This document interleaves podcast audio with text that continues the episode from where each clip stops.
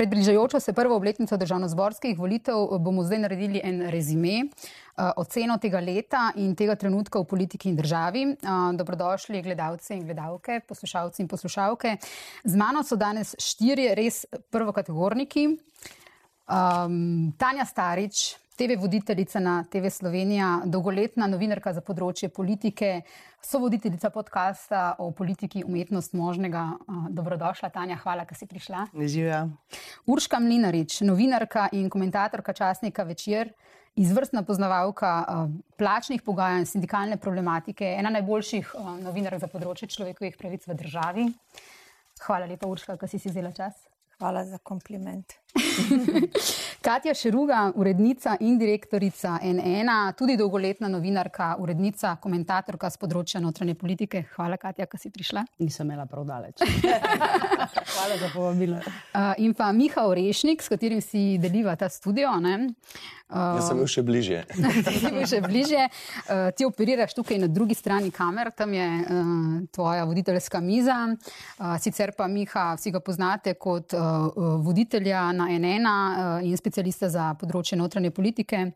Uh, dobrodošel torej na drugi strani. Z veseljem. En ena podcast, Suzano Lovec. Uh, ja, pa pojdimo kar uh, k temu spominu. Pred uh, natanko enim letom smo bili dober teden dni pred državno-zborskimi volitvami.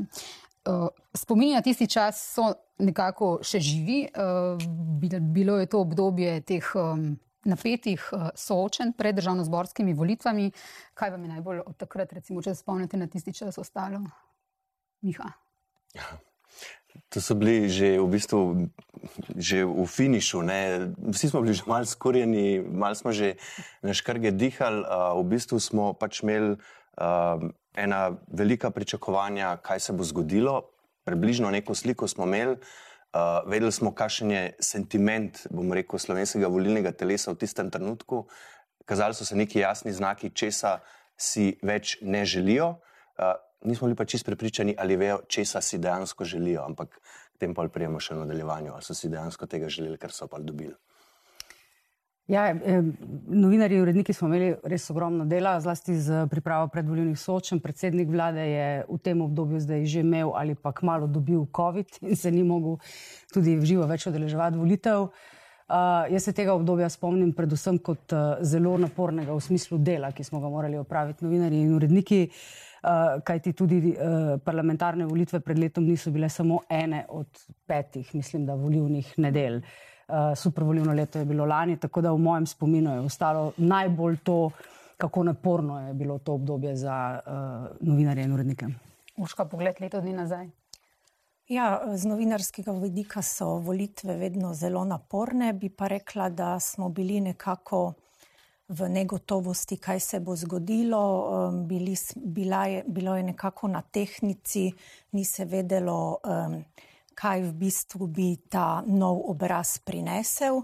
Eh, vedeli smo pa v bistvu, česa ne nočemo, oziroma česa si ne želimo. Mhm. Ja, se strinjam s tem, kar ste povedali. Ne? Zelo naporen čas, začetek predvoljivnega leta, ne prva v nizu volitev, ne novinari smo bili v posebnem stanju eh, lani, eh, kar se tiče garanja, obremenitev, razmišljanj, analiz, ne, začetek dogajanja. V družbi pa kaj, iztekalo se je COVID-no obdobje, jasno je bilo, da prihaja čas velikih sprememb in točno tako kot pravite, nismo točno vedeli, kakšne te spremembe bodo. Ne. Bilo je pa več ali manj te dni pred volitvami, pa že jasno je tudi vseh analiz, da te spremembe bodo ne, in da bodo ljudje povedali, česa nočejo, ne, kot si rekel. Mm. Uh, sledile so torej volitve. Uh, In če se še enkrat ozremo na začetku, na, na to preteklo leto, ali je kakšna stvar, za katero bi rekli, gremo potem detaljno v analizo vsega, kar se je dogajalo. Ampak, če bi z, enim, z eno besedo ali pa z enim stavkom mogli mogoče povzeti, kaj, kaj je v tem enem letu zdaj drugače, v družbi, državi, politiki. A, je, a je kaj takega, kar se je izkristaliziralo ali pa kar vam najprej pade na pamet? Ja, zelo je drugače. Um, pozabili smo, da je COVID sploh bil, pozabili smo, da smo bili zaprti, da smo nosili maske, da smo bili v enem posebnem obdobju. Jaz mislim, da je to kar zbledelo. Ne? Ljudje mm. smo tako narejeni, da slabe stvari hitro pozabimo. Tako da so čisto popolnoma nove razmere. Vmes je izbruhnila vojna v Ukrajini, s tem energetska kriza, inflacija, začela nas je skrbeti, kako bomo živeli. Uh, s plačami, kot jih imamo, in stroški, kakršne imamo, skratka, čist druga vprašanja. Ne? Pozabilo se je, pravzaprav, kaj se je, ali pa je predvsej potisnjeno v zadje, kaj se je dogajalo v času prejšnje vlade, in zdaj je fokus absolutno na novo vlado, na vsa odgovornost na njej. Jaz mislim, da so razmere čisto drugačne. Uh mhm. -huh. Če bodo zdaj, recimo, poslušalci, gledalci, bodo rekli, da se res, ne, pa se niti leto ni minilo. Ne. Ja, drugače je, uh mhm. -huh. popolnoma druge razmere. Ja, to je definitivno res. Fokus je zdaj popolnoma na novi vladi in eh, na situacijah, ki jih rešuje ali poskuša reševati. Um, ena podobnost pa mi je padla ravno v zadnjem obdobju ob teh reformnih procesih in zapletih povezanih z njimi, uh, uh, s prejšnjo, uh, pomembnost jasne komunikacije. V času COVID-a smo imeli uh, novinari veliko krat situacijo, ko je vlada sprejemala ukrepe. Mi smo bili v funkciji, da smo morali ljudi seveda servisirati s tem, torej od polnoči velja to, to, to, to, to. In smo imeli veliko krat težave dejansko sploh ugotoviti, kaj so ministri par ur prej sprejeli, ker je eno ministrstvo reklo eno, drugo ministrstvo, drugo, tretje ministrstvo, tretje. Pa so nas pa še preusmerjali z enega na drugega. Twitterju, ne, ne, ali pa, pa tudi gre na Twitterju ne, in, in smo imeli dejansko težave. Opravljati svojo vlogo, pač odgovorno v tem smislu, da smo ljudem povedali od polnoči veljajo ta pravila. Tudi zdaj se je ne, uh, v tem reformnem procesu golobove vlade pokazalo, kako zelo pomembna je pri stvarih, ki se neposredno tičejo našega življenja, um, običajev, navad uh, ali žepov. Ne, jasna in nedvoumna in enotna komunikacija. Ne. Tukaj pa vidim podobnost. Mm -hmm. In da tudi tukaj včasih se sprašujemo, šta je umetnik htio da kaže, oziroma moramo razbrati, prepoklicati. Ne, da, te, te... da poskušamo ugotoviti, v katero smer zadeve grejo. Seveda ob dejstvu, da pač mogoče ne, v kakšnem trenutku tudi sami nimajo še vseh. Govori... Ja, ja. Ja. Če že govorimo o komunikaciji, bi pa jaz rekla, da so pa mogoče je mogoče ta vlada, nasploh ministri, pa tudi predsednik vlade, glede komunikacije zaletal, uh mhm. -huh. zaletavi. E, namesto, da bi se dogovorili, skomunicirali, je vsak e, dan o eni temi, vsak drug dan o eni in isti temi. Malo drugačna verzija razlage. Ne? Kot je Tanja rekla, v, uh, mislim, da uh, enem od, mislim, v tem podkastu, kjer si bila ti v umetnost možnega gostja, uh, ta vlada ima problem, ker uh, včasih. Uh, Prej reče, uh, da bo skočila in pol šele skoči. Mm. Oziroma, reče, reče skoči, skoči pa, pa potem, potem reče, reče hop, ja. hop, tako. tako. Ja, če že, vlečemo te paralele, ne, če se spomnimo, uh, mislim, res so razmere tudi drugačne. Ne, mislim, ja, ja, to je treba reči, da okoliščine so take, če gledamo zadnje desetletje iz krize v krizo, ne, ena kriza, druga kriza, zdaj smo že pri šesti krizi, nekaj drugačnega kot lani. Ne? Ampak, če se spomnimo, gibanje Svoboda ni šlo, ali pa takratna opozicija, ne, ta blok, ki je takrat nastal, ni šel na volitve z obljubo reform. Jaz se ne spomnim nobene besede o reformah. Ne. Spomnimo se, da so govorili o tem, da bodo normalizirali družbo. To je bilo takrat geslo, mm. če se prav spomnim. Ne. Normalizacija no, družbe. Tako, uh, delali bomo drugače, drugače, tako. drugače, umirili stanje. Ne. Tako, umirili, uh. živeli boste mirno. Mislim, da so ljudje to kar radi slišali. Ljudje radi živijo mirno, pa da jih država pusti na miru. Mm. Mm. No, res so se razmere spremenile in res je bilo se tu treba odzvati. Ampak meni mene je presenetila ta serija napovedi, ne, ko že govoriš o komunikaciji. Ne. Zakaj je pravzaprav vlada uh, izbrala strategijo, pri kateri ima tako vehementne napovedi, ki jih seveda vsi vemo, ne, vsi spremljamo, kaj se dogaja v slovenski politiki desetletja, ne, nekoč se o reformah sploh govoriti ni smelo. Ne. Uh, Zato, ne, sploh po fiasku Pahorjeve vlade z poskusom pokojninske reforme, ne, je bilo to tabu tema. Ne, če so kakšne spremembe uvajali, so rekli, da to so samo mehne spremembe, niso reforme. Ne. Ta vlada je pa obrala drugo pot in jaz tukaj vidim tudi en del tega problema, o katerem ti govoriš. Ne. Veliko besed, veliko napovedi. Ampak ravno zato, se pravičujem, Katja. Uh, uh, Golob, golob je dejansko želel pokazati, nihče od prejšnjih ni upal niti govoriti o reformah, kaj šele, da bi se jih dejansko lotil. Mi smo pa drugačni. Mi imamo ta pogum, mi imamo to vizijo in mi bomo to naredili. Zdaj, eh, zadnje leto, odkar pač od 1. junija lani so na oblasti, smo pač videli, kako te stvari delajo. Zaletavo, nepremišljeno, včasih leva roka ne ve, kaj dela desna roka. Kar se tiče pa komuniciranja, vzgibi prejšnje vlade in zdajšnje vlade so drugačni. Prejšnja vlada je medije videla kot krivce za epidemijo, krivce za smrti, ne vem, zakaj vse nas niso ukrivili. Eh, ta vlada se mi pa zdi, da nas malo podcenjuje. Uh, v smislu, vi ne razumete, uh, kaj mi hočemo dobrega narediti za ljudi. Ampak pač dajte skomunicirati, tako da bodo ljudje razumeli. Ja, ja. Zdaj, stvari, ki so jih govorili, mogoče ena distinkcija tukaj vseeno uh, pomembna in tudi korektna. Ne? Torej, uh, normalizirali bomo družbo, umirili bomo razmere po tem um, um, vznemirjenju, ki ga je prinesel COVID in uh, način uh, upravljanja krize, tako prejšnje vlade. Ne?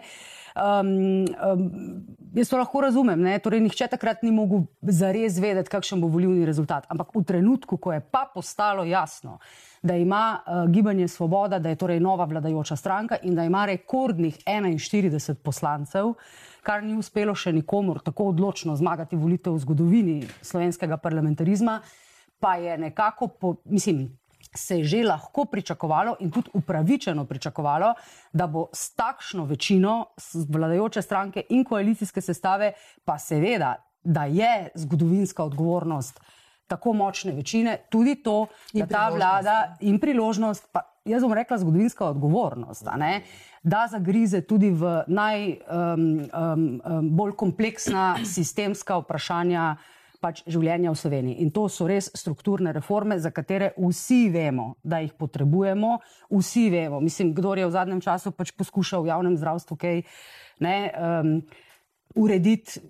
Lahko na lastne uh, oči in ušesa se prepriča, da je pač uh, sistem res treba korenito popraviti.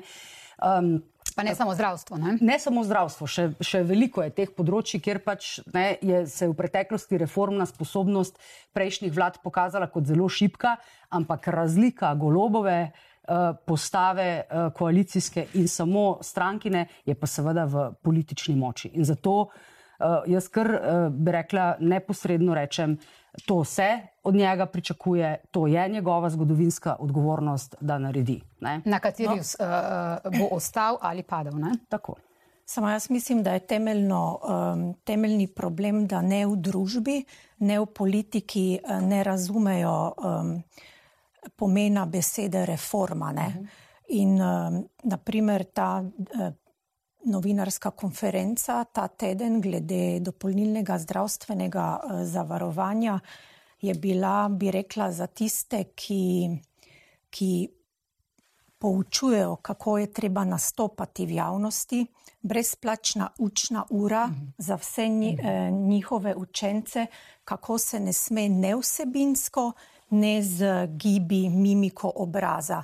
Tu smo videli, če sem pri kolegici Tani pa Alešu Kocjanu uporabila, da je kar se tiče um, plačne reforme prišel kot sončni kralj. Eh, predsednik vlade.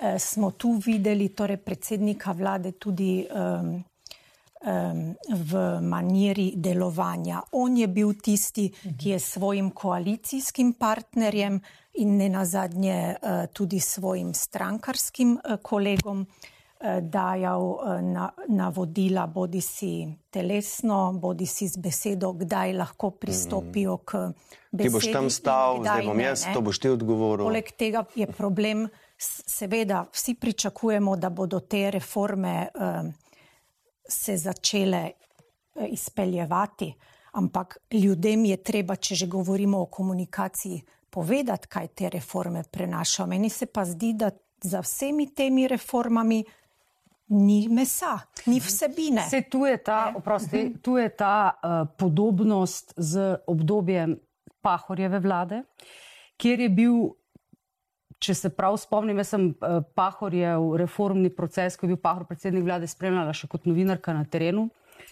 kjer je bil pristop dost podoben. Predsednik vlade je stopil pred javnost, takrat smo imeli semafor, zdaj imamo časovnice. Ne?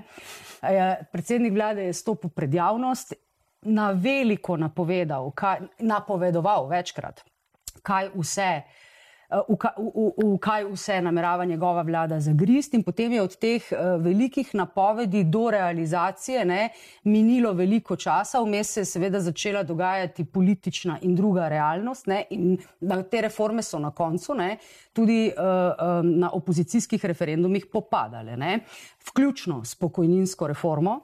Uh, Ključno s pokojninsko reformo, ki pa jo je potem v naslednji vladi, ne, naslednji ministr za delo, Andrej Vizjak, ne, precej mirno sprejel, skoraj isto. Mm. Samo pristop je bil nekoliko recimo, drugačen. Ne? In tukaj se mi zdi, da je podobno. Torej, pridajo, napovejo, določijo smer, dramaturgijo, recimo dogajanja, ne? potem pa je. Potem pa, recimo, seveda, novinari začnejo konkretne stvari spraševati, dobro, kako bo zdaj to, kaj bo to pomenilo za vem, ta segment ljudi in tako naprej. In tu seveda potem. Ne, edini odgovor, ki ostane, je, podrobnosti moramo še razdeliti. Zdaj smo naredili prvi korak, postopek smo sprožili, ampak od tu naprej pa pač se pogovarjamo, iščemo konkretne rešitve za konkretne stvari in družbeni konsens. Ne.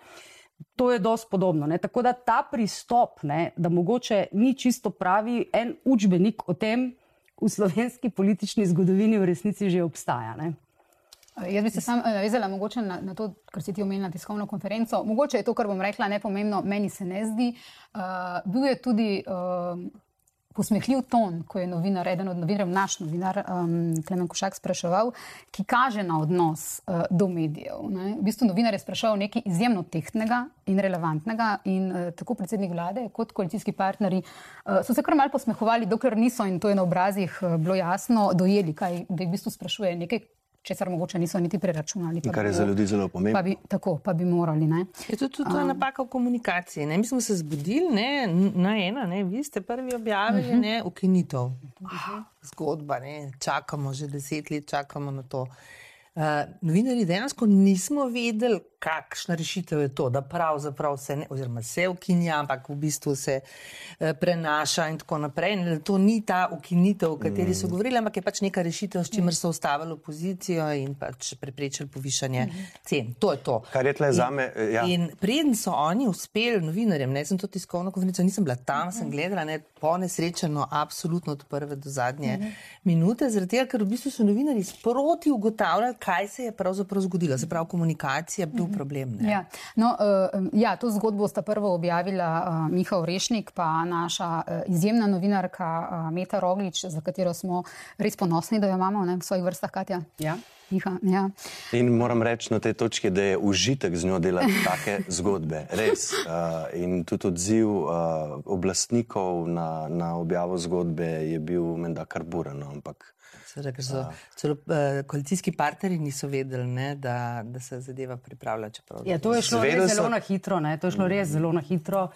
Uh, res, res zelo na hitro. Um, in uh, ja, v precejšnji meri je, so bili koalicijski partnerji postavljeni pred izvršeno dejstvo. Mm. In tukaj mogoče ena zanimiva stvar, to mi je včeraj padlo v oči, ko sem gledala uh, Tarčo.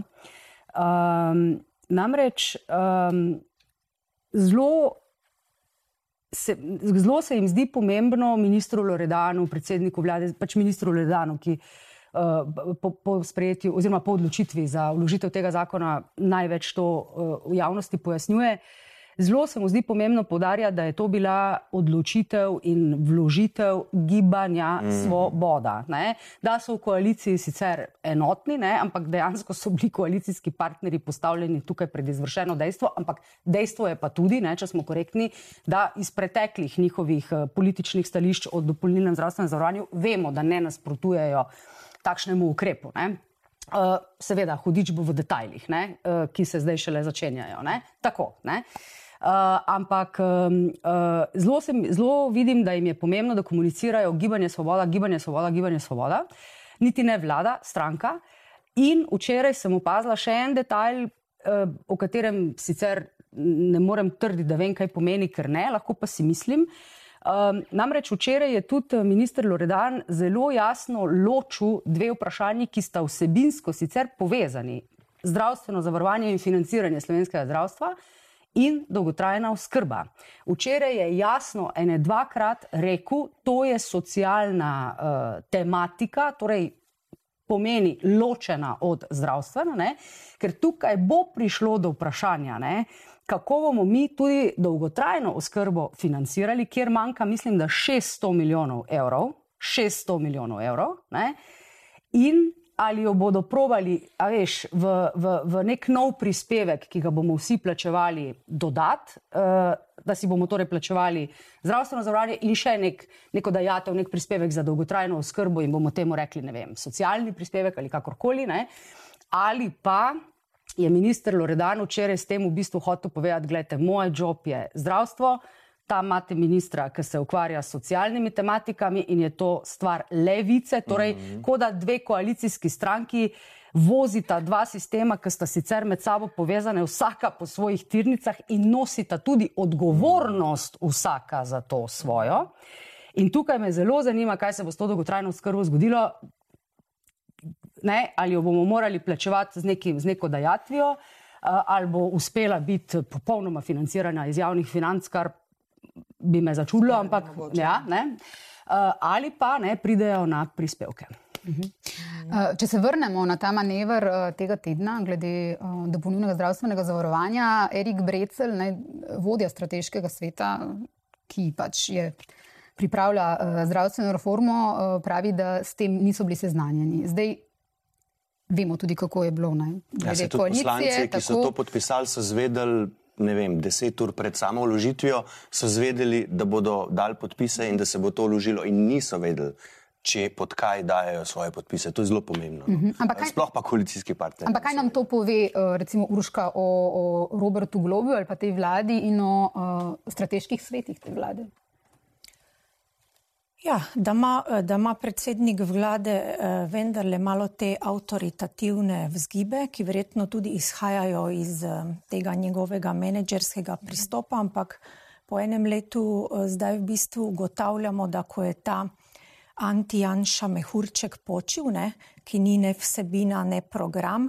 In ko smo videli spet na enem novem obrazu, ki ga nekako v velik del volilnega telesa vedno znova dojema kot nekega mesijanskega odrešenika, ki nam bo končno tisto obljubljeno drugo Švico prinesel, ne, se je izkazalo, da temu ni tako in da Eh, tudi ta menedžerski tip predsednika vlade očitno ni, ne bo prinesel konkretnih rezultatov. Vsaj po enem letu no, je uh, tak, vtis. Bi, tak vtis. Ja. Če parafraziram, ne, v bistvu so nekako voljivci tudi goloba videli, kot da je vseeno drugačen od Cerarja, prej pa od Šarca, ne, ki sta imela oba dva na koncu pač težave z izvedbo česar koli že, ker bilo, pač, to so bile naporne koalicije.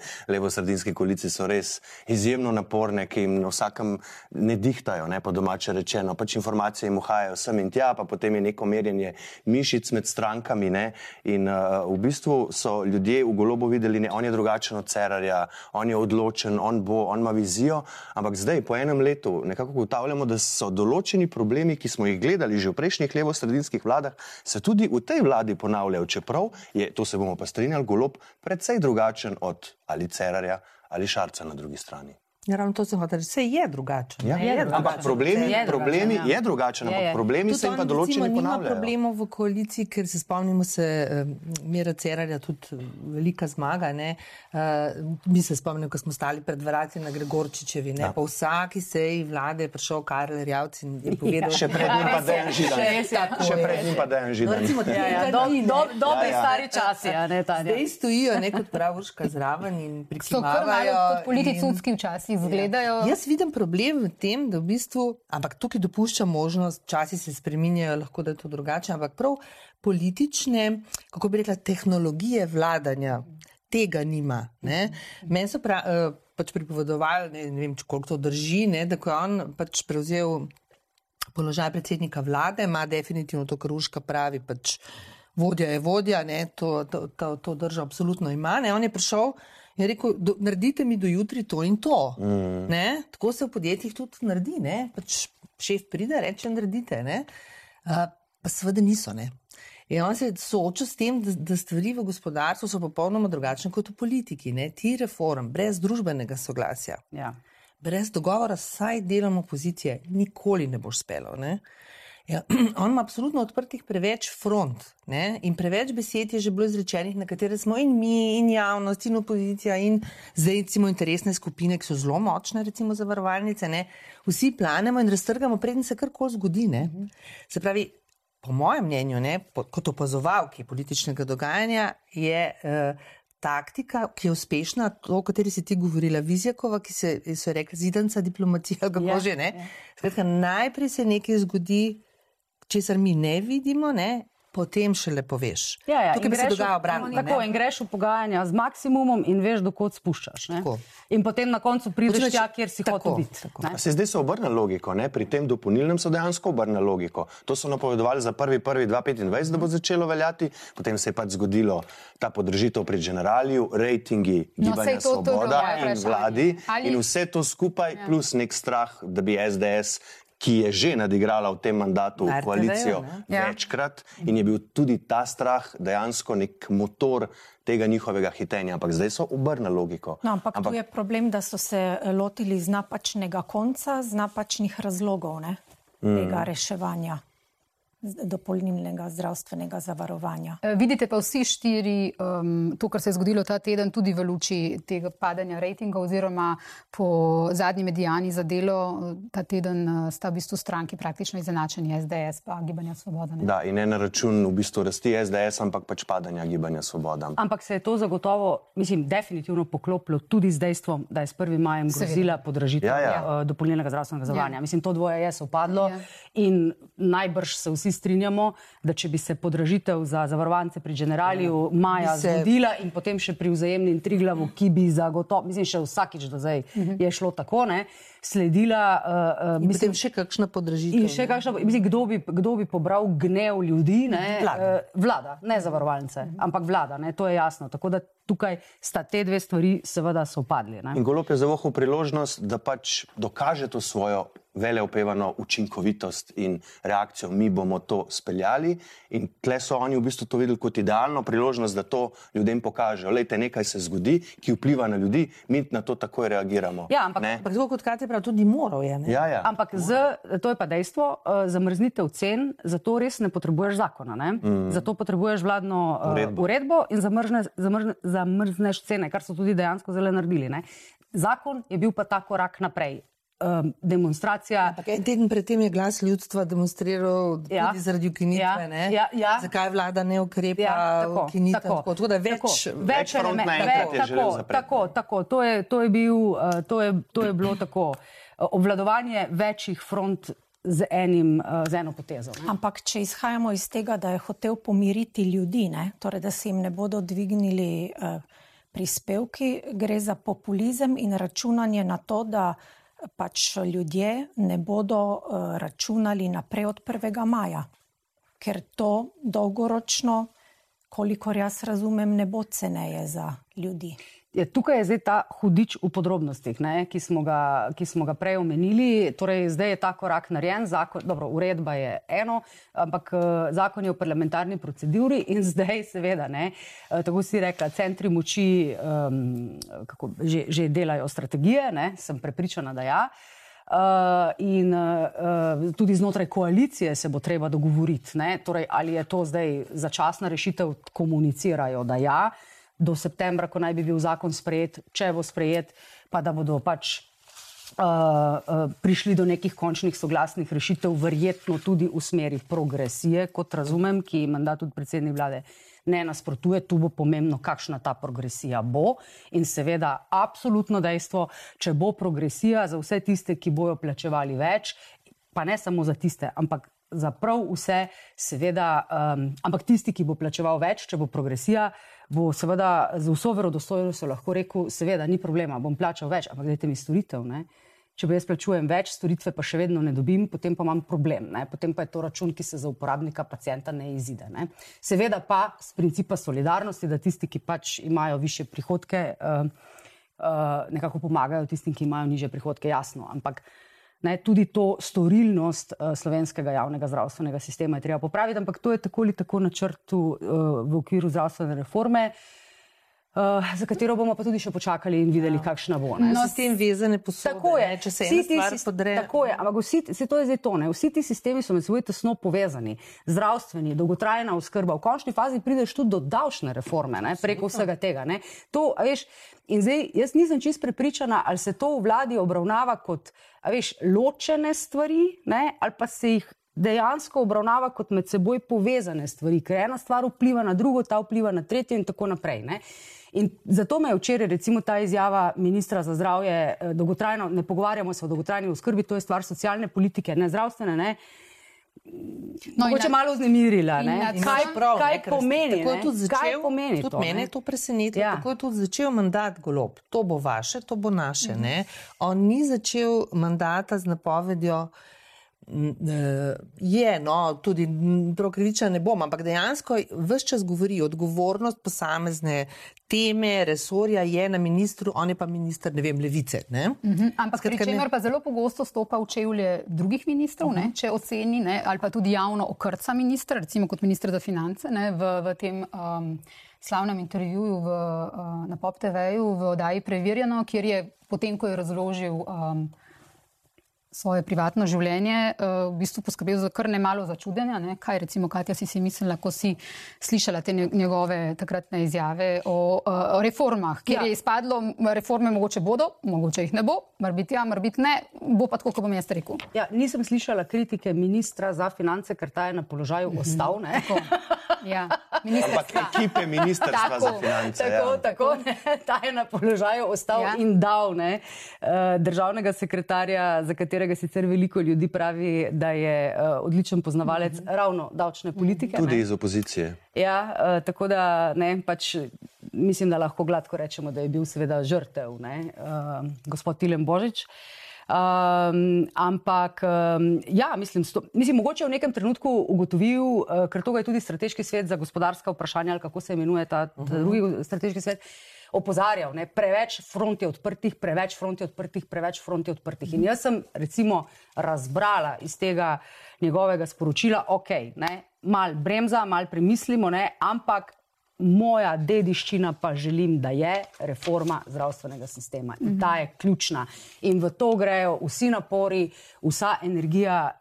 Uh, poenostavljeno rečeno, zdi se mi, da želi, da je to njegov spomenik. Mm in da, uh, da bo imel vsaj stavek, da je kot predsednik vlade prišel najdlje v tem procesu, če ne celo do konca, ker seveda ne pozabiti. Ne, Tukaj imamo opozicijo, ki je v preteklosti že metala reforme na referendumih, mislim, vrli so jih voljivci, ampak je, ne, Uh, ki tudi spregi sindikati, ne pozabimo, ne, ki se veljajo za ja, ja, podpornike ja, leve politike. Ja, ja, ja, tako, da, tako da seveda ne, ampak seveda je bistvena razlika za predsednika vlade in vlado in vladajočo stranko, ne, ki jo zdaj tako povdarjajo s tem dopolnilnim, uh, ali um, opozicija poskrbi za padec reform ali si jih pa sesujejo kar lepo sami. Ne. To je seveda Zelo, zelo pomembna razlika. Problem tega, ne, bom, takoj, uh, bom zelo skrajšala, ne, problem uh, te zdravstvene reforme je, ker je vezana posoda z drugimi reformami. Ja. Ne moreš brez reforme plačnega sistema ja. izpeljati. Ne, ja. Ja. Vse je tudi vprašanje dopolnilnega, ne, uh -huh. uh, je v bistvu vprašanje davkov. Ne, ne, ne toliko zdravstva, Financ. kot dejansko za, za vprašanje. Zdravstva v smislu financiranja. Ja. Uh, uh, Javne blagajne. Je pa to, ne, kar si Katja ti prej rekla, da, da toliko poudarja Loredan, to je projekt svobode, to je projekt svobode. Seveda, svoboda rabi eno temo za naslednjo predvolilno kampanjo leta 2026, če bo takrat. In Oni želijo, da je to njihov projekt. Čeprav so mogoče v SD-ju pred prejšnjimi volitvami najbolj poudarili pa 30 dni do specialista in vsakdo bo imel svojega osebnega zdravnika in tako naprej. Za, za, bodo dobili upokojenci. Tako je pa, zdaj, je pa zdaj jasno, da znotraj te vlade želi gibanje svoboda vprašanje zdravstva imeti pod kontrolo in narediti čim več na tem področju, da lahko v naslednji predvoljni kampanji govori, tako je, mi smo bili tisti. Ne? Pa sej, mislim, da ne bo pomote, ne? če jim bo uspelo reformirati Seveda. slovensko zdravstvo tako, da bo bolje delovalo in da bo res uh, servis pacijentu, kakršnega si zaslužimo in na vse zadnje plačamo. Ne?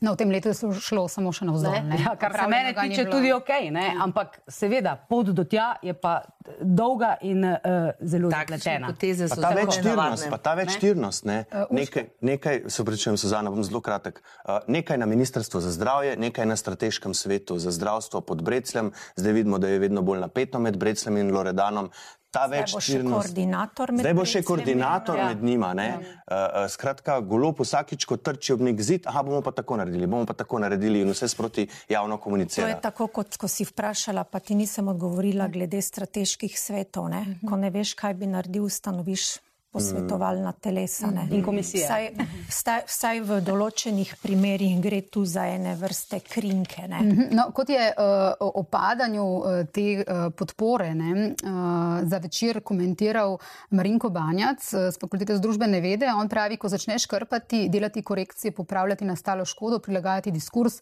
je to spirala na vzdolj. Ampak on pravi, vendar pa ocenjujem, da golob kar spretno preprečuje še strmejši padec. Predvsem si je z raznimi strateškimi sveti sveti zagotovil njemu in vladi naklonjeno konstelacijo civilno-družbenih sil in posameznih mnenjskih voditeljev na specifičnih področjih. Eh, tudi koalicijski partnerici je za zdaj obvladoval, to se vsi strinjamo, smo že rekli, eh, ne, o strateških svetih pa točno to. Ne, je razpostavil te ljudi tako, da v bistvu mu čim manj škodijo, ne, kjer bi mu izven teh svetov lahko škodili. Ja, čeprav po eni strani ima pa do civilne družbe, ki jo je deloma vključil v te eh, strateške svete, zelo bipolaren odnos. Ne? Eh, ne, eh, nekatere, kot si rekla, ljudi vključuje, jim daje um, večji pomen, medtem ko del civilne družbe sploh ne želi z njimi komunicirati. Ne? Je pa dejstvo, da je marsikateri uspeh ta vlada tudi o pomoči civilne družbe dosegla, ne, ko govorimo o referendumu. Ne, na zadnje je tudi ja. na oblast prišla v bistvu pomoči uh, te civilne tak, družbe. Ne, vsaj vsaj ta civilna družba si uh, vidi. Tu res neko svojo veliko vlogo, da so Zdaj oni. Zdaj pa ima tisti, zelo posmehovalen odnos do uh, določenega dela, dela civilne družbe. družbe. Uh, Tanja je že umenila uh, uh, reformo plač, plačna reforma. Urška, ti si tukaj specialistka. Povej nam zdaj, v bistvu, kje smo s tem, kakšno je bilo preteklo leto na tem področju uh, in kakšni časi naporni verjetno uh, čakajo vlado in sindikate na tem področju. Ja, bili so uh, turbulentni meseci, pa še bolj turbulentni prihajajo, zato ker vlada si je nerealne datume zastavila, mm. kako bo zdaj spet to komunicijsko uh, akrobatiko izvajala, da, ker se zdi, da bo zelo težko ta 30. juni doseg, uh, dosegla, kar se tiče dogovorov. Ne?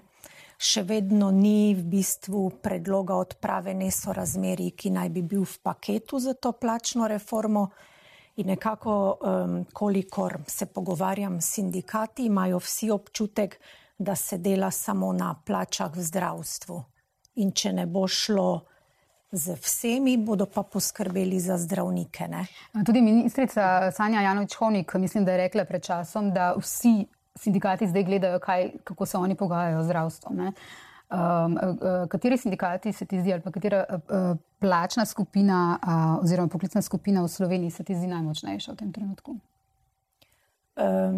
Pa tu bi rekla, da niti ne gre za poklicne skupine, ampak gre za sindikaliste, ne, uh mhm. -huh. ki vodijo določene um, poklicne uh, skupine. Je pa dejstvo, da je nemirna marsikatera eh, poklicna skupina, od policistov do mm. vojakov, do učiteljev, nenehno se pa pozablja na to plačno skupino J, mm -hmm. kjer niso samo najslabše plačani, ampak tudi um, više šolsko kvalificiran kader, ki je blizu minimalne plače. Ampak na te, na minimalni plači ali pod njo se pa res um, skozi poza, eh, pozablja, ker pač to, da se minimalna eh, plača usklajuje na letni bazi, ni skrb v okviru enotnega plačnega sistema za te.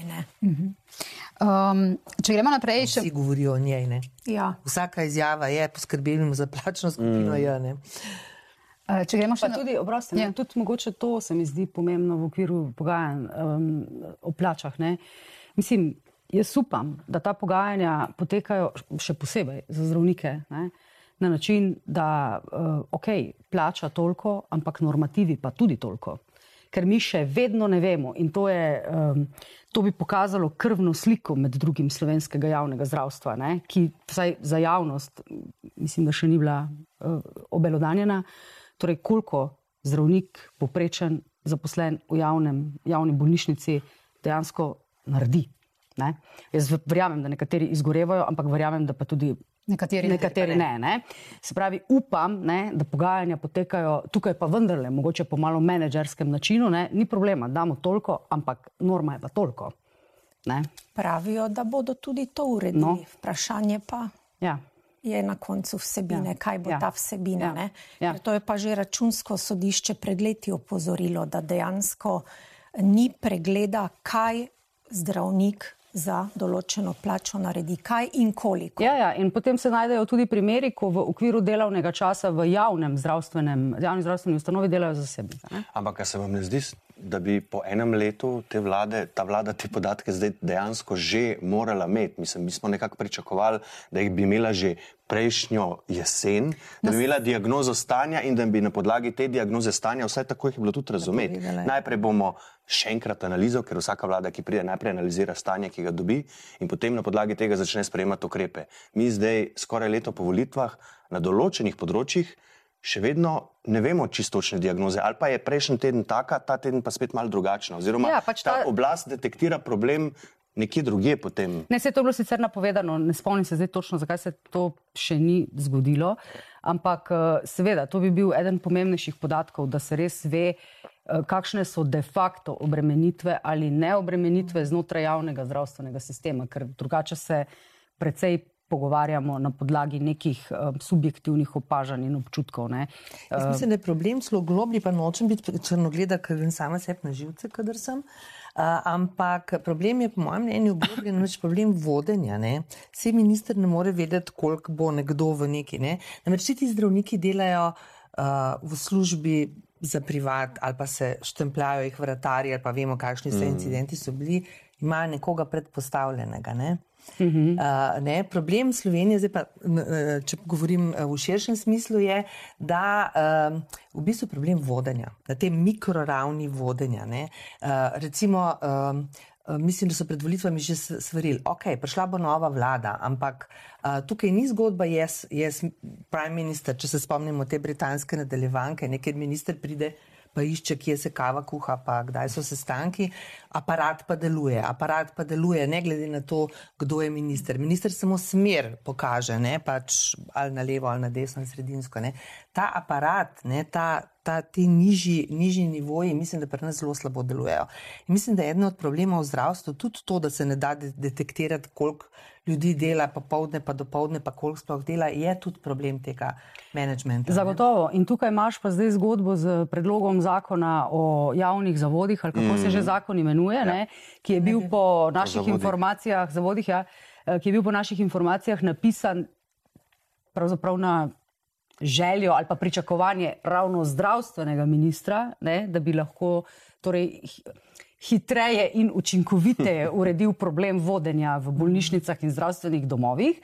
Ampak ne, se je pravna mreža za varstvo konkurence uprla, Demokracije. tudi znotraj koalicije, eh, pardon, ja, ne konkurence, demokracije, uprla, uh, mislim, uprla, izrazila mnenje, da je to pač čist preveč avtoritarno. Um, in tu je zdaj ta razkorak med to menedžersko Točno učinkovitostjo, da jim hitro rešiti probleme in med tem, kaj politika kot upravljanje javnega dejansko je. In tu so ti zidovi, v katere se ta menedžerski princip v politiki ali pa zelo odločen menedžerski princip v politiki vedno znova zaletava. In ta stvar je ena od teh, ki so jih oni, ko so bili še v opoziciji, z velikim veseljem učitelj prejšnji vladi, zdaj se pa.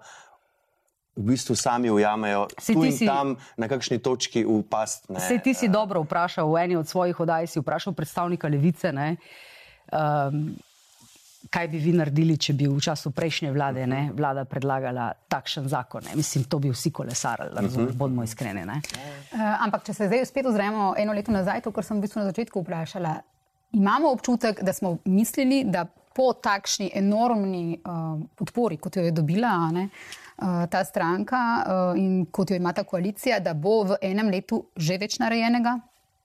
Je bil ta vtis, če bi se pri sestavljanju vlade, recimo. Uh, lahko nekaj sam dodam. Ne? Uh -huh. Zdaj, če gledaš politični prostor kot celoto, je tukaj vlada z vsemi temi svojimi Uh, težavami, učnimi dobami uh, in osebnostnimi značilnostmi. Osebnostni, ja, zelo politiki ja. zdaj prinašajo svojo osebnost ja. ne, uh, v, v, v to, ne, v vlade. Ne. Imamo tudi opozicijo. Uh mhm. -huh. Jaz ne bi na to čist pozabila. Ja, ja, ja, Opozicija absolutno. igra. Ne, ravno v tem podkastu, na zadnjem, ki smo ga imeli, kolega Šmajdek iz STA rekel, še vedno ta vlada skače po uh, taktu oziroma agendo, ne, daje na dnevni red Janša in SDS. Še vedno. In to je zdaj moje naslednje vprašanje. Oprosti, sem, ja. ampak to se mi zdi res pomembno, da ne bi ja. prej končali. Um, če gledamo politiko kot celoto, ne smemo spregledati, kaj se dogaja na tem polu, ne? kjer se pa dogajajo zelo zanimive stvari. Ne? Uh, ne? Zgodba o logarju, ne? ki se mhm. bliža, ne? neki, neki, neki vidni ne, manifestacije pravijo, ne, um, da se pač nekaj pred poletjem naj bi se zgodilo. Naj bi se zgodilo, zdaj pa že april. Uh -huh. uh, Nova Slovenija, ki utegne kar precej uh, zgubiti s tem, Nova Slovenija, ki taktično vendarle sklepa neka zavezništva z gibanjem svobodo, ne, pa na nekih točkah se ujema. Ne. In zaostruje z SDS-om odnos. In še slabši še niso bili. Bom, ne, ne, menda so popolnoma zamrznjeni. Tako, ja, ja, ja. tako. Prav ne obstajajo več. Tudi, tudi to vpliva To hočem povedati. Ne? Tudi to vpliva, ker se dogaja na tem polu, na, na učinkovitost vlade, ki, kot rečeno, recimo ta zadnji ukrep je naredila tudi zato, da je preprečila, da bi opozicija, ki je bolj izkušena, bolj vešča postopkov, prehitela. Uh -huh. uh, no, to, kar naj bi se zgodilo uh, z Logarjem, kako ocenjujete na Akademiji za javni sektor, je recimo Virant Cerarju v šali rekel, zraven je sedel Logar, uh, midva sva uh, preteklost, ampak Anže je pa prihodnost. Kako vidite vi prihodnost Logarja Urška? Um, pač vidim ga v uh, kontekstu tega, da um, Janez Janša kot predsednik SDS-a je svojim načinom uh, delovanja, kar se tiče možnosti aktivacije volilcev, dosegel svojim načinom delovanja maksimum. Uh mhm. -huh. In tu mu lahko um, Logar z neko to spravniško držo prinese um, dodatne glasove, uh -huh. um, tudi z vrst uh, ljudi, ki naprimer zdaj podpirajo NSI. Ampak jaz vseeno uh, bi opozorila, da je treba vedeti, da se je logar vsega, kar je bilo možno, naučil od Janeza Janše. Uh, on uh, je pač logar zelo dobro razbira, ta utrip družbene. Meni se zdi, mogoče imamo tudi novinari, mi uh, ta problem, da smo v enem mehurčku. Uh, Ljubljanskem mehurčku. Ne? Vsi zagotovo. Ne? Ja, jaz sem zelo mlada, ja, ja, jaz sem tudi v Moravškem. in hočem povedati, da pač um, Slovenke in Slovenci uh, nismo urbani ljudje. -hmm. Pa ne mislim tu nič eh, slabšalnega, ampak enostavno uh, ta desni pol bolj razume uh, razmišljanje, utrip. Uh, podeželja. Ja, pa ne bi rekla samo podeželja, pač širše množice. Tako. -hmm. In to dobro zna tudi logar. Uh, Prebrati, mhm. zato lahko marsikaj potegne, nisem pa prepričana, da se on sposoben uh, eh, odcepiti od svojega vodje. Čeprav na drugi strani ti rezultati volitev, Tanja, uh, uh, ti se boš še kaj bolj podrobneje, po moje, lahko spomnila z zgodovini slovenskega parlamentarizma, pa pokažejo. Da pa je večji del volivnega telesa vendarle levo-sredinski. In zato, zato pač. Ki pa je nelojalen.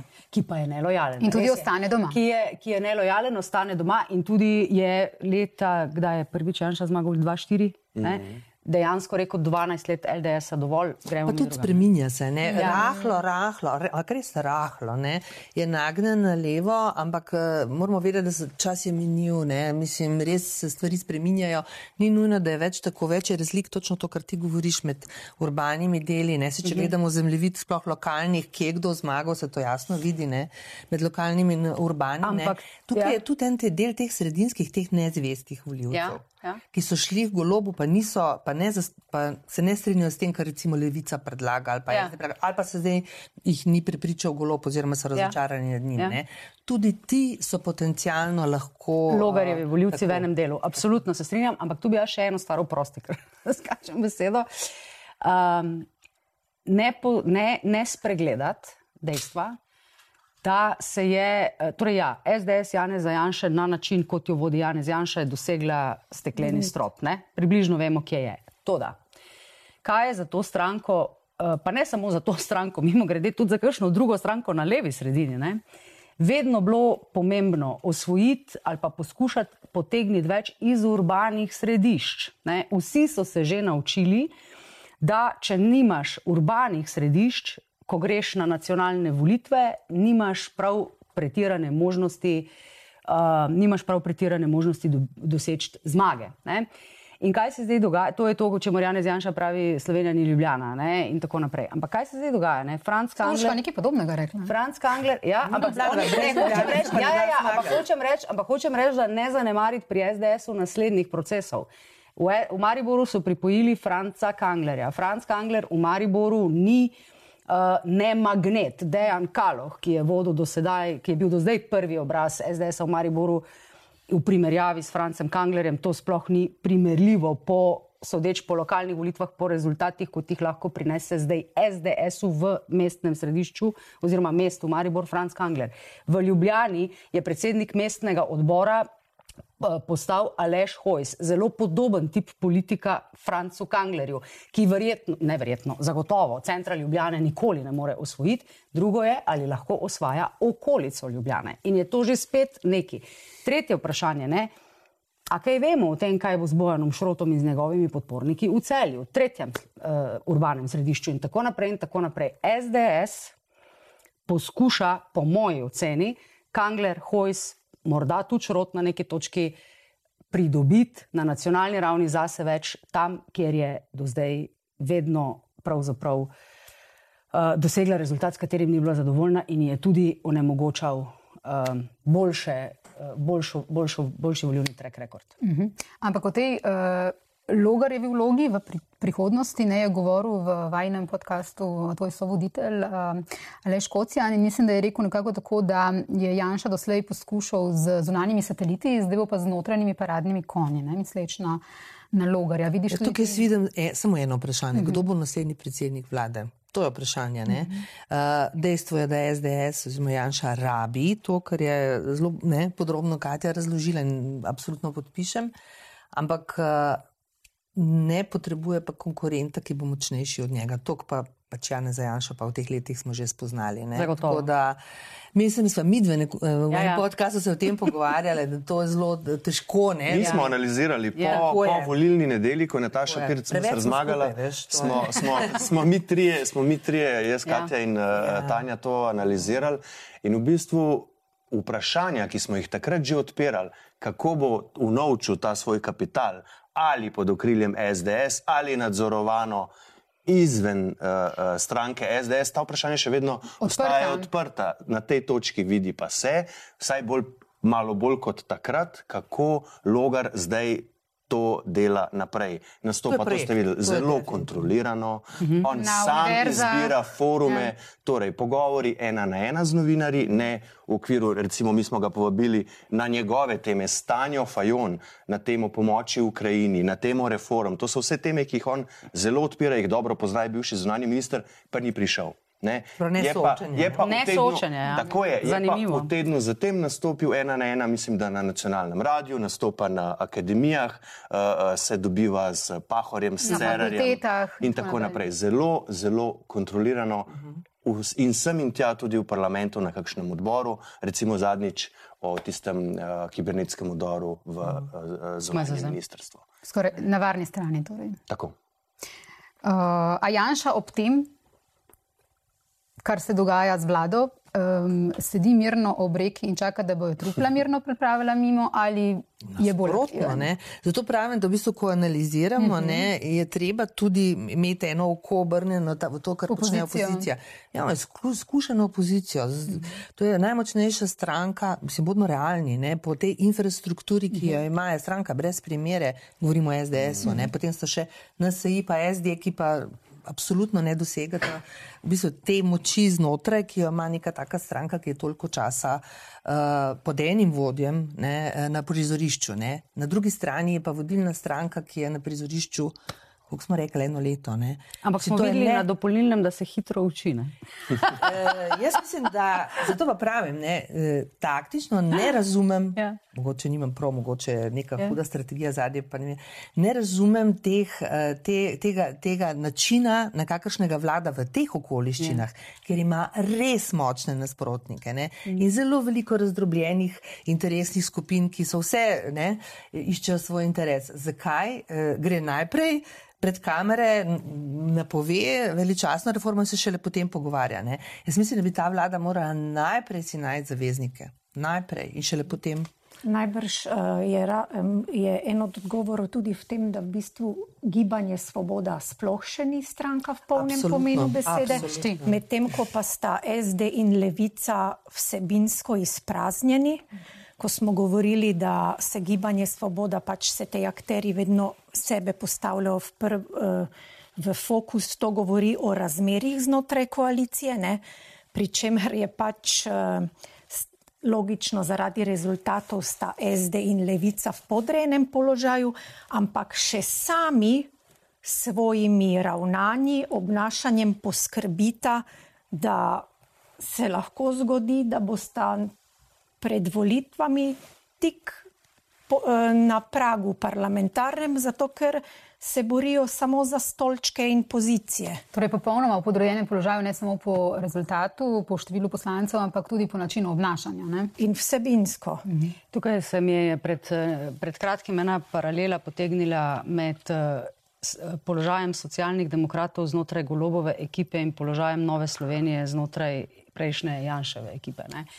Uh, če, če bosta ta velika dva, ne, torej golob na eni in Janša na drugi strani, um, um, bi rekla, uspešno odigrala uh, svoje politične partije v smislu političnega gena, imata ti dve stranki obe lahko zelo, zelo resne težave na naslednjih parlamentarnih volitvah. Zelo resne težave. Ne.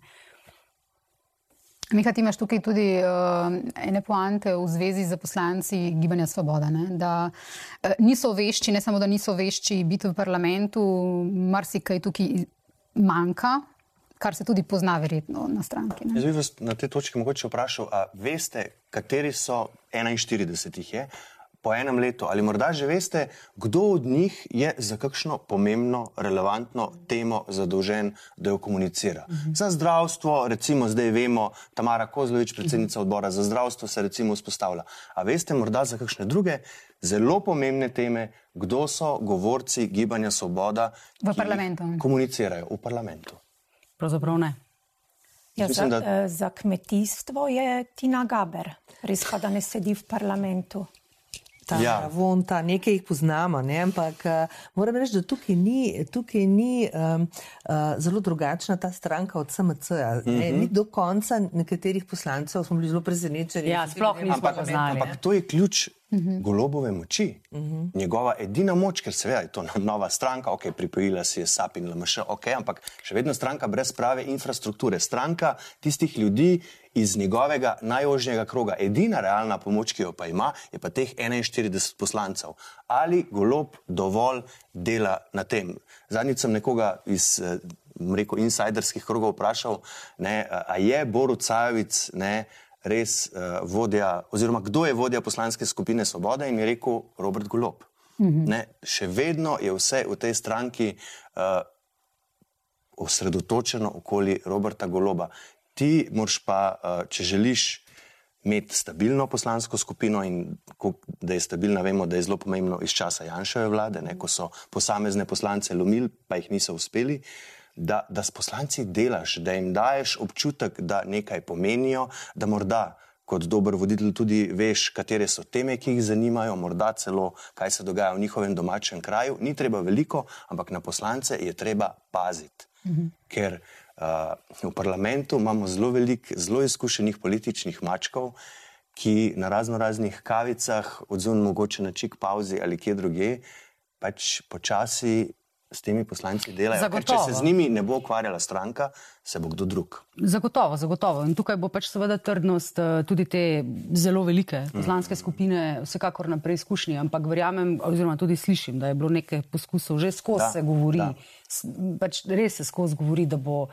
Ne vem, en del šel uh, v, v tole, kako se reče, samostojno poslansko skupino, kako se že pravi, če ne povezanih poslancev, kdo, kakšno drugo stranko in tako naprej. Ampak zaenkrat ne vidim, da bi se že kaj zelo zares uh, v to smer dogajalo. Da pa seveda razno razni interesi to poskušajo in napadajo, pa je po moje vsak dan se kaj. Zdaj pri dopolnilnem, po moje, izziv, zdaj pri ja. dopolnilnem, po moje, bodo začeli na te poslance, ki so večinoma vsi neizkušeni, z različnih koncev začeti prihajati pritiski in bomo videli, kaj je... se bo zgodilo, bojo spet leteli kakšni amandmaji uh -huh. uh, pri tej stvari. Bo zanimivo. Prej se mi je, recimo, če se mogoče sam za hipet zvrnem, ker očitno me je res, mi je dalo misliti, ne, ta, ta ne, dolgotrajna oskrba je socialna stvar, tematika, ne, ne zdravstvena, ta ločnica zelo jasna, včeraj izrečena.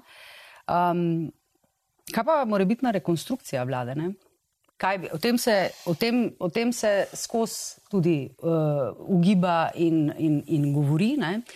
Zdaj, za ministra Loredana smo že slišali, po moje, vse možne, vsi možni scenariji, zanj so že bili na politični tržnici, da tako rečem. Ne? Od tega, da bo sam odšel, do tega, da govori, da bo nov predsednik vlade in tako on, do tega, da, da sta z golobom takole in da si nikoli v življenju ne bi uh, eden drugemu z ničemer škodovala in tako naprej. Ne. Uh, Naprimer, tu, ko že omenjaš Loredana, mi je zanimivo, ne? Erik Brecel je včeraj za delo povedal, torej predsednik vlade me posluša, minister ne. Kaj je želel s tem sporočiti? Najbrž da se mora postaviti na eno stran predsednik vlade. Se enkrat je že eh, ne, moral intervenirati, takrat, ko se je uh, ministr za zdravje uh, zlagal ne, o tem, kar smo mi tudi na enem napisali. Uh, da na strateškem svetu ne, v bistvu ni zagrozil z stopom. Je, ne, takrat ga je Brecel postavil na laž ne, in takrat je potem moral po tistem intervjuju na Pop TV-ju, je potem predsednik vlade zvečer, naslednji dan, če se ne motim, šel na strateški svet za zdravje, prav on osebno, med Loredana in med Breclja, ne, malo to. Uh, um, pomiriti. No, ampak očitno mislim, da ta stopnjuje, hip, ne, pritisk. Ja, da ta hip ne bo uh, golob se odrekel Loredanu, ker ne, je. Ne more. Ja, seveda. Trenutno so ja. zavrele razmere in. Ne more se, ne. ne Najhujša stvar, ki se lahko zgodi, ta hip je odhod ministra. Ne? Tako da mislim, ja, da, bo, da, bo, da bo golob še na mirovnih misijah med. Ampak, če, Ampak, se, ja. če se vrnemo k vprašanju rekonstrukcija zakaj, torej golob, če bo delal rekonstrukcijo, se mora vprašati, zakaj bi delal rekonstrukcijo, kaj želim s tem doseči. In seveda potem posledično vprašanje, ali želi menjati samo ministre svoje stranke. Ali bo namignil še kakšne druge stranke. Tanjo Fajon sem jaz v tem studiu o tem poprašal in je zelo odreagirala v smislu, pol v tem primeru bi nastal problem. Ja, ja. Uh, tle, ke, zakaj? Zaradi tega, ker je golob že ob formiranju vlade, kar je Tanja opozorila, rekel, področja naša so ta in ta, vaša so ta in ta, in jaz se v to ne bom upletal, vi ste sami nosite odgovornost za to, kdo so ljudje, ki bodo tam, in tudi ministri so imenovali, so imeli vso pristojnost, da si izberejo svoje državne sekretarje iz svojih strank in tako naprej. Ne? Torej, vprašanje je, je, kaj želim doseči s to rekonstrukcijo. Vse to je vprašanje, če bo točno to je vprašanje, če bo ta rekonstrukcija, če bo do nje prišlo, kaj vse bo zajela, ali bo zajela samo določene ministre, znotraj GS? aktualne sestave strankarske v koaliciji, ali bo, zaje, ali bo zajela menjavo strank koalicije, ne? Ali bo zajela, če bo morda zdravstveno reformo nekazalo dobro, tudi najvišji položaj v vladi. Ne? Torej, vse to so odprta vprašanja, ko govorimo o morebitni rekonstrukciji ne? v golobovi vladni in koalicijski posadki. Ne? Um, Novi Sloveniji pa tudi malo. In ali je res tako, ali je res tako, uh, in ali je res tako uh, samoumevno, da bo Nova Slovenija, če bi prišlo do rekonstrukcije v smislu menjave koalicijske stranke, ne? tukaj je verjetno SD prva, ki bi ne, morala koalicijo zapustiti. Um, Nova Slovenija je kar tako uskočila. Moram reči, da ne znamo vse. Zdaj je Tanja rekla uh, ta teden v podkastu Umetnost možnega, da po tem predlogu o ukinitvi uh, oziroma prenosu dopolnilnega zdravstvenega zavarovanja obvezno misliš, da, da, ni več možno, Ja. da je to to. torej, jasno je, ne, da je Nova Slovenija stranka, ki, uh, da nekako temu ne rečem, ne, ima zaledje ali zavezništvo, zlasti pri vzajemni. Ne. Mislim, Ja, gospod za- ali pa- Trontel, gospod Trontel je zelo vpliven član Tudi, Nove Slovenije. eh, In... Recimo stališče, ki jih je zastopalo v parlamentu tudi v preteklosti, ne, kaže na to, da tukaj, tukaj uh, ni skupne točke. Ne. Čeprav na, eh, še na tisti nedavni eh, tiskovni konferenci v zvezi z uh, ustavnimi spremembami, ko so nastopili skupaj Gibanja Svoboda, pa Nova Slovenija, pa SD, ne, kjer so skupaj šli v to. Uh, ustavne spremembe glede imenovanja in razreševanja ministrov je pa kar zgledalo, da se. Um, Izgledalo je, kot da sto gibanja Svoboda, pa Nova Slovenija na dejtu, uh, SD pa, da je za tretje kolo malo zraven. To je bilo še nedavno.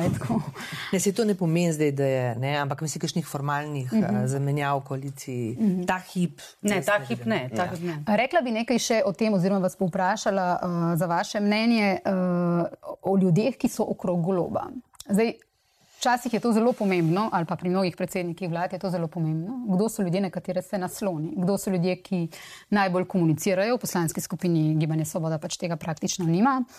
Um, vemo, uh, predsednica parlamenta Urška Klakočar Zupančič.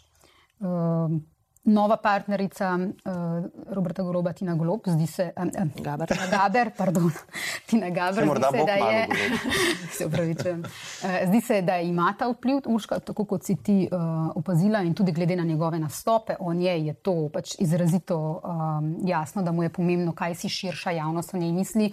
Začela je tudi imeti neke uh, protokolarne oziroma neke uh, uradne programe znotraj uh, programa vlade in tako naprej. Uh, tukaj je Vesna Vukovič, um, nekdanja uh, novinarka, ki je tudi pomembna v stranki. Um, kako pomembne so te osebe, po vašem mnenju, Tanja? Mogoče najprej ti. Uh, Najpomembnejše. Najpomembnejše. Najpomembnejše ne. uh, spom, mislim, zdaj je bila ena zelo dobra nadaljevanka na prvem programu naše televizije, ki je govoril o obdobju COVID-a v Združenem kraljestvu in Johnsona in njegovega svetovalca, slavnega svetovalca, ki je potem tudi moral oditi. Zelo poučna, ne? uh, politik je politik, ne? seveda on ima zadnjo besedo, daje usmeritve in to, ampak kdo mu svetuje, uh -huh. kdo je ta, ki v bistvu. Um, Um, ne bom rekel, da kreira politiko, ampak v bistvu tudi. Ne, Ga fokusira, ne. Fokusira, ne, to je ključno. Ne, in jaz bi, mislim, da je skrivnost uspeha v tem, da postiš boljšim od sebe. Boljšim od sebe, da ti svetujejo.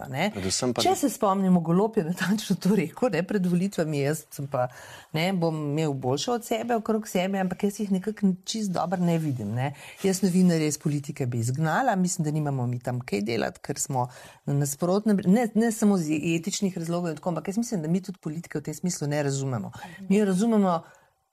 Uh, tako da opazujemo, vidika. tako je, analiziramo, znamo predvideti stvari, ne? nismo pa tisti, ki, zna, ki bi, uh, ki bi uh, delali politične strategije. Strategije. ne. Ker tudi ne sedimo na sestankih zraven, mi pač Mislim, vedno. tudi če bi, lej, Ja. ja. mi, ne, naš interes je, da čim prej damo uh, informacije v javnost, politi politiki pa nasprotno. Skratka, mislim, da uh, torej ljudje, ki jih za zdaj vidimo okrog uh -huh. njega, mislim, da je, to velik del problema, no, ki ga ima ta vlada. No, to je bilo moje vprašanje, recimo tudi za Urško. Urško, tebi se tudi zdi, da te osebe, ki sem jih navedla, recimo bolj škodijo predsedniku vlade ali pa vladi, kot koristijo. Eh, Mislim, da bolj škodijo, zlasti če gre za uh, svetovalce, ki imajo neke osebne zamere, ki so maščevalni. Poleg um, tega pa se, se je tako predsednik vlade uh, kot nekateri ministri ne, obdal tudi z svetovalci, mimo teh, ki si jih naštela, kot bi rekli v jeziku naše nekdanje skupne republike, za sva vremena. Ne. Torej, svetovalci to ne gre, ne? ker se s tem vlečejo eh, potem vedno iste ideje, ni premika, to, da se pa obda, eh, naprimer, da vidimo v prvi vlogi na nekem področju njegovo partnerko, tu pa jaz tudi mislim, da lahko najmanj nespodobno, tako odlično si to povedala. Um, Potegnila bi uh, zaključno misel mogoče pod tale podcast. Uh, eno leto, torej smo skoraj že pred prvo obletnico od volitev. Po teh volitvah sem imela tukaj podcast, uh, ko, ko so bili že znani rezultati z samom Bradutskim, um, s katedre za ustavno pravo, pa Anjo Zagolo, pesnico in kolumnistko. In takrat smo govorili po volitvah o odgovornosti. Veliko smo govorili o odgovornosti, ki jo je s tem rezultatom pač ta stranka oziroma bodoča vlada dobila. Um, in o samoomejitvi, to sta recimo poudarjala, da to pričakujeta oziroma upata, da bo naslednja vlada zmogla, kar recimo Janševa ni ne, se je samo omejila. Uh, imate mogoče kakšno misel, torej eno leto kasneje, vi o tem, kako, um, ali je upravičila recimo samo omejevanje in odgovornost uh, ta vlada do zdaj? Jaz bi se pri tem odgovoru v bistvu navezal na prejšnjo temo o svetovalcih. Ključno je, da imaš okoli sebe svetovalce, ki ti pomagajo obdržati stik z realnostjo. Vedno na teh visokih političnih pozicijah se praktično vsem dogaja enako, ta višinska bolezen, sploh če prej nisi bil. Ključno je, da ti svetovalci pomagajo, da, da ti zaznavajo, da ti prenašajo te signale iz okolja, kakšno je razpoloženje v družbi, ne pa da si vedno bolj odtujen od vsega in se mi zdi, da si golob pač zaenkrat kaže, pravih ni izbral, ker, uh -huh. ker kaže res neko odtujenost in to je v bistvu tudi um, delno odgovor na tvoje vprašanje uh, o upravičenosti. O tem so pač pričakovanja bila izpolnjena, uh -huh. uh, upravičena ali ne. Kaj je odgovornost, jo je upravičila? To odgovornost, veliko odgovornost, ki je dobila s tem rezultatom. Kar se mene tiče, jo bo ali pa ne bo z reformami. Uh -huh. Na začetku sem rekla, to je zgodovinska odgovornost posadke strankarske in koalicijske.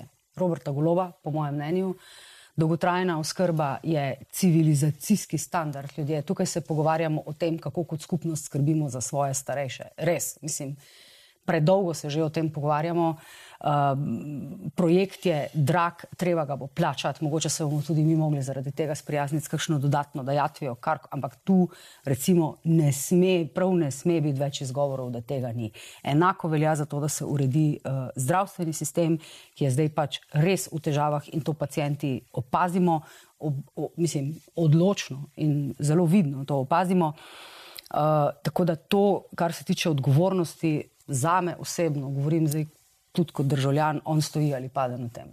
In v bistvu se upravičujem, eh, bi zelo kratek bil ta ukinitev dopolnilnega, s čimer so zdaj šli, čez noč bo lakmusov papir, oziroma tle bo, ali, bo, ali mu bo to ratal.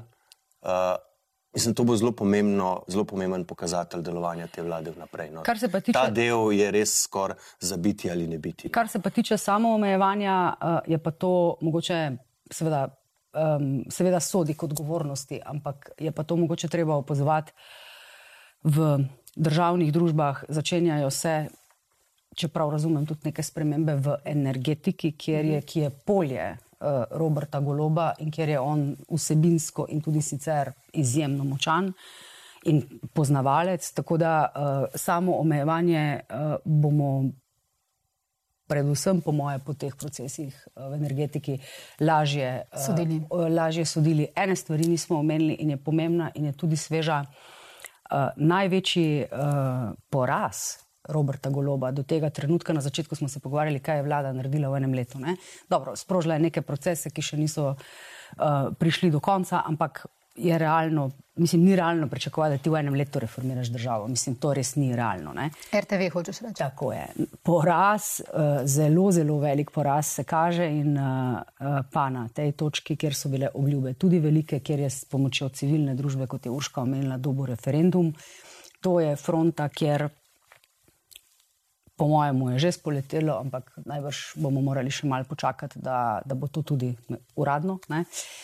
Um, in um, to, pa je, to pa je, recimo, mm -hmm. um, obljuba, ki je zaenkrat ni mogel izpolniti, in po včerajšnjem dogajanju na Ustavnem sodišču tudi veliko vprašanje, če bo lahko.